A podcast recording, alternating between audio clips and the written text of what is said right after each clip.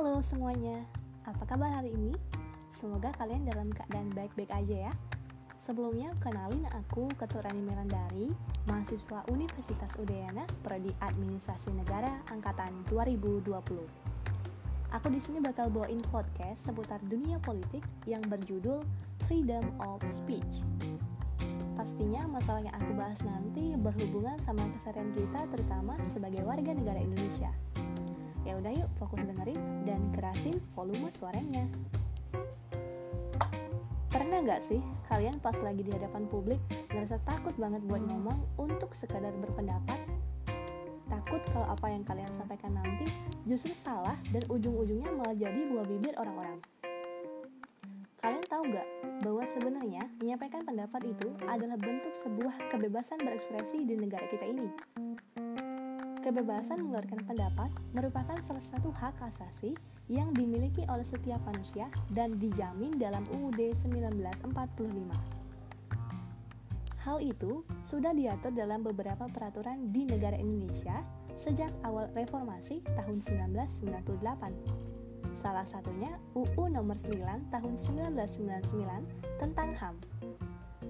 Peraturan tersebut dibuat untuk memberikan perlindungan dan jaminan kepada masyarakat Indonesia untuk mengemukakan pendapatnya secara bebas di hadapan publik.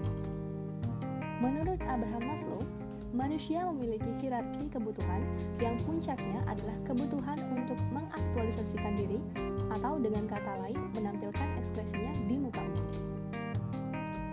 Indonesia sudah bereformasi menjadi negara demokrasi yang dalam penyelenggaraan karena kebebasan berpendapat menjadi tolak ukur pelaksanaan demokrasi dalam suatu negara. Sayangnya, pada kenyataannya, sekarang masih ada pendapat yang dibatasi bahkan dibungkam. Loh, kok bisa? Ternyata tidak semua masyarakat Indonesia merasakan kebebasan berekspresi Gak hanya dari pemerintah, masalah kebebasan berpendapat bahkan sering diperdebatkan oleh sesama masyarakat.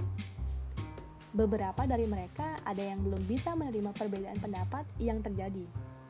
Bagi mereka, berekspresi akan diterima jika sejalan dengan nilai-nilai dari pemikirannya sendiri.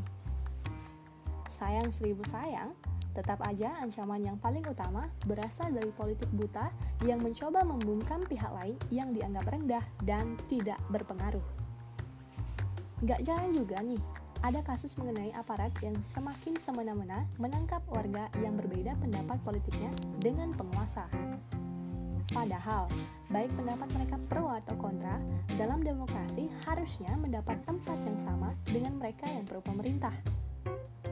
Dalam negara demokrasi, kritik menjadi hal yang biasa.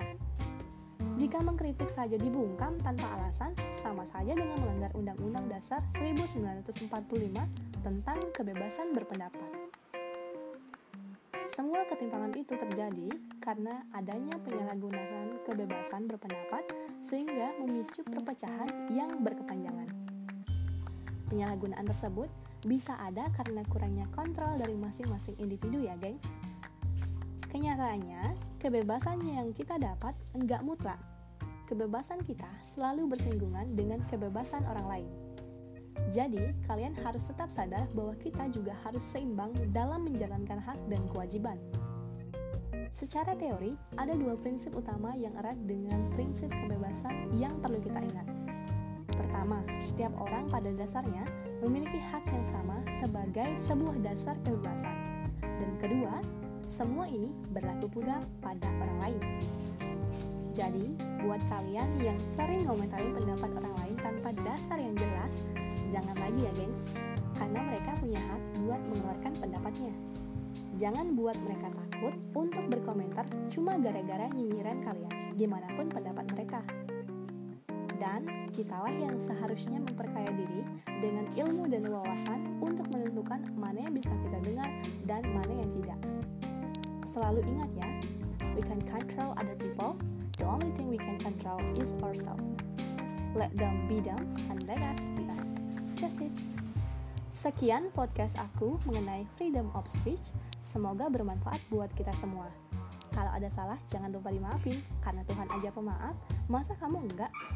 Aku Keturani Melandari, pamit undur diri, sampai jumpa di podcast selanjutnya.